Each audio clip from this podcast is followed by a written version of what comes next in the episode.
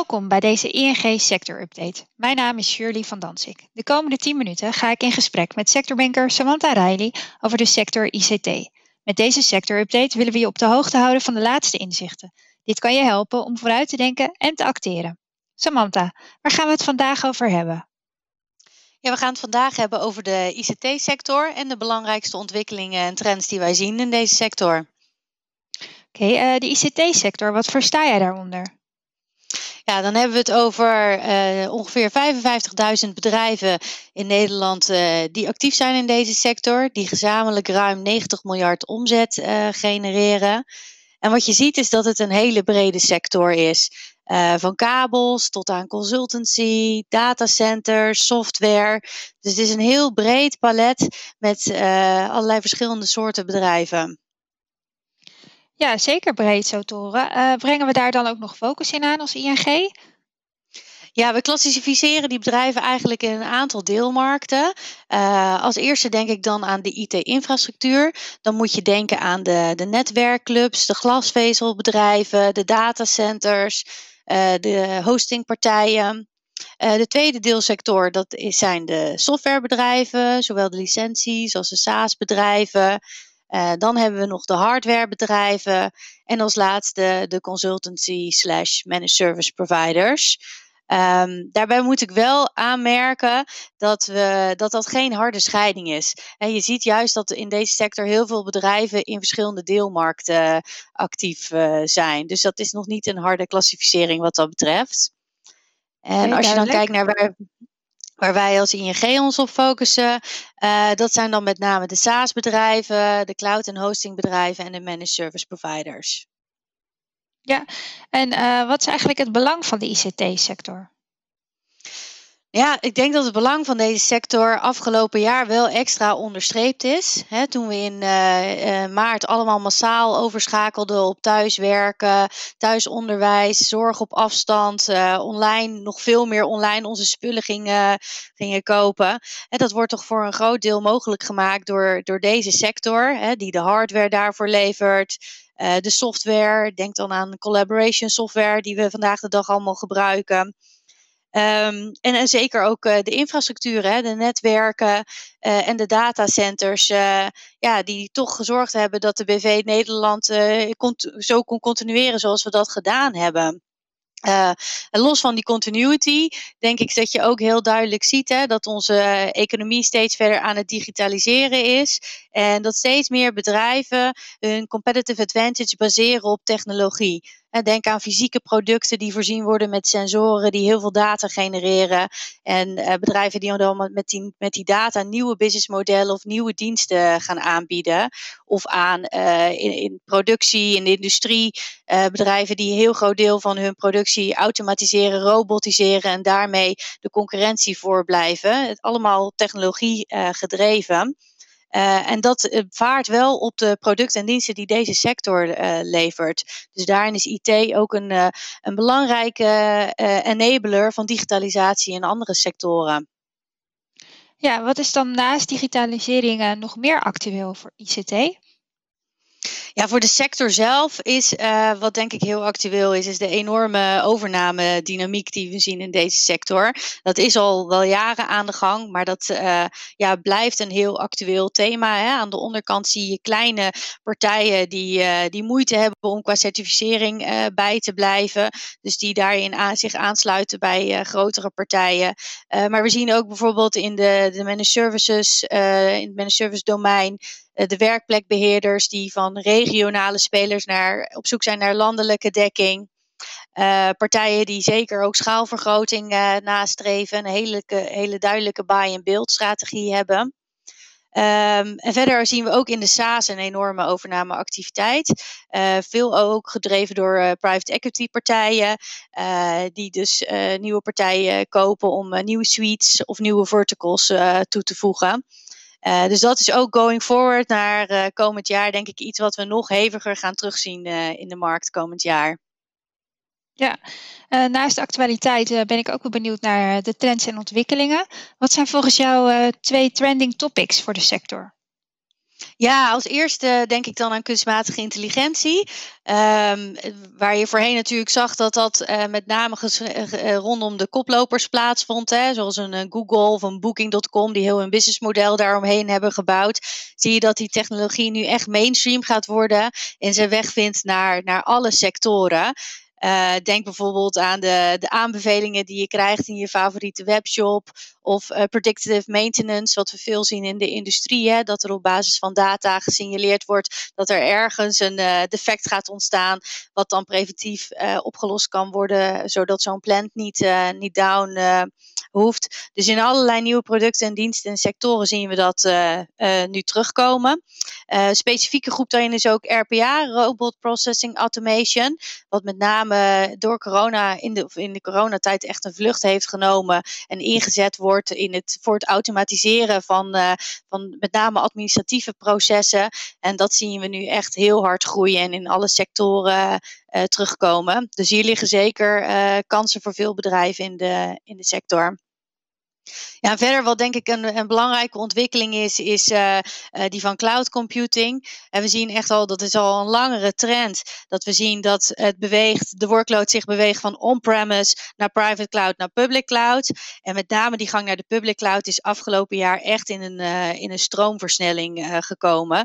Dus uh, het bedrijven wat hun werk naar de cloud brengt, is enorm uh, toegenomen. Groot, er staat meer in de cloud. Maar ik moet daarbij zeggen, het zijn met name dus de public cloud aanbieders. Dus uh, Amazon, Google en Microsoft Azure die daarvan van profiteren. Ja, en dat beïnvloedt ook gewoon de businessmodellen van veel bedrijven in deze sector. Hè? Veel leveranciers van, uh, van private cloud, uh, van servers. Ja, die, die merken dat en die moeten zijn op zoek naar andere manieren om, hun, om van betekenis te blijven in deze sector. En wat wij zien is dat deze beweging alleen nog maar uh, verder zal gaan, gaan doorzetten. Dus daar ja. hebben veel bedrijven mee te maken. Ja, er gebeurt zo te horen genoeg. ja. Als we dan kijken naar de toekomst, welke verwachtingen heb jij dan in 2021? Ja. Ja, wat we nu eh, afgelopen jaar zagen, of eigenlijk afgelopen jaren groeide de sector uh, behoorlijk hard. Hè? meestal zo rond de 5% per, jaar. In corona is die groei afgevlakt. Is, de, is, is de sector wat dat betreft gestabiliseerd. Zag je toch dat met name de niet-essentiële projecten, die werden stopgezet. niet-essentiële investeringen werden stopgezet. Um, dus je ziet binnen die sector daarin best wel grote verschillen. Met name de traditionele kantoorautomatiseerders en system integrators, die uh, hebben het wel zwaar, zwaar gehad. En aan de andere kant zag je dat met name de managed service providers, de cloudbedrijven en de SaaS-bedrijven het nog best wel relatief goed, uh, goed hebben gedaan. En her en der ook zeker hebben geprofiteerd van natuurlijk die beweging die ik net al eerder uh, aangaf rondom thuiswerken en verder automatisering van, van processen. Dus wij verwachten dat dat beeld zich komend jaar, zeker het eerste half jaar, nog wel door zal zetten. Um, en dat we dan, wanneer we het virus de baas worden, en ja, we hopen natuurlijk allemaal dat het ergens rond Q3, Q4 zal zijn, dat dan die investeringen die on hold hebben gestaan, dat die dan weer plaats uh, gaan vinden. En je zag met name bijvoorbeeld ook investeringen in servers die dan on hold kwamen te staan. Een deel is dat ook echt afstel, omdat dingen naar de cloud zijn gegaan. Maar een deel zijn dat ook investeringen die je wel even kan uitstellen. Maar dat kan niet voor eeuwig. Op een gegeven moment moeten die wel gaan komen. En dat denken wij ook voor de meer strategische projecten die veelal nu on hold zijn gezet, dat die wel uh, in Q4 dan 3, 4 weer los gaan komen. Ja. ja. En uh, als we het dan toch over de toekomst hebben, uh, welke rol speelt duurzaamheid daarin? Hoe belangrijk is dat? Ja, als het gaat om duurzaamheid, dan is uh, data natuurlijk een belangrijk topic in de, de ICT-sector. Uh, het, um, het, is natuurlijk mooi dat allerlei digitalisering ons leven makkelijker maakt en verrijkt. Alleen de keerzijde daarvan is dat het gepaard gaat met enorme hoeveelheden datastromen die alleen maar toenemen. Per minuut worden er uh, ongeveer 41 miljoen WhatsApp-berichtjes verstuurd tegenwoordig. Nou, dat, dat gaat alleen maar verder toenemen. Zeker als je ziet uh, wat we met AI gaan doen de komende jaren en uh, IoT, uh, wat alleen maar data verzamelt. Um, dus voor de sector ligt er een enorme belangrijk of een enorme uitdaging om um, de energiebehoeften, want ja, die dataverwerking kost gewoon energie, om die te ontkoppelen van die enorme toenemende datastromen.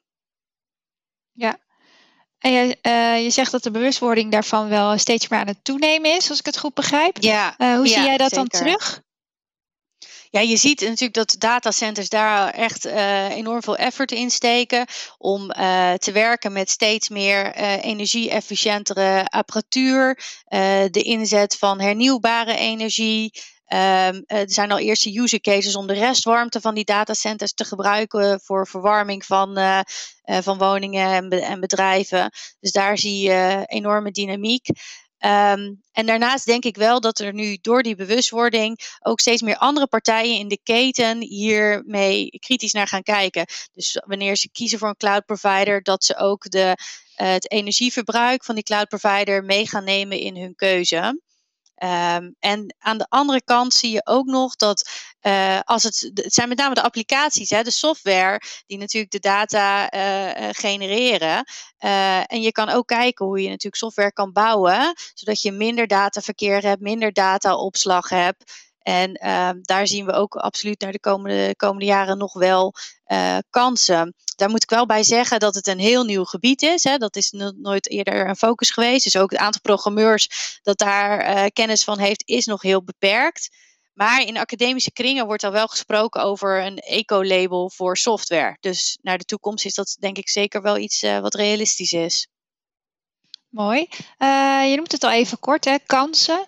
ik ben eigenlijk wel benieuwd welke kansen jij ziet voor ICT-bedrijven. Ja, uh, dan denk ik als eerste aan nou ja, wat ik net al zei, hè, AI. De, de vraag vanuit het bedrijfsleven naar intelligente systemen, slimme toepassingen gaat steeds meer toenemen. Um, dus dat zie je dan terug in de producten die deze bedrijven verkopen. Hè. Software waar intelligentie in is gebouwd. Uh, platformen waar dat in zit. Um, maar wat zeker daarin ook belangrijk is, is dat uh, die AI die draait op data.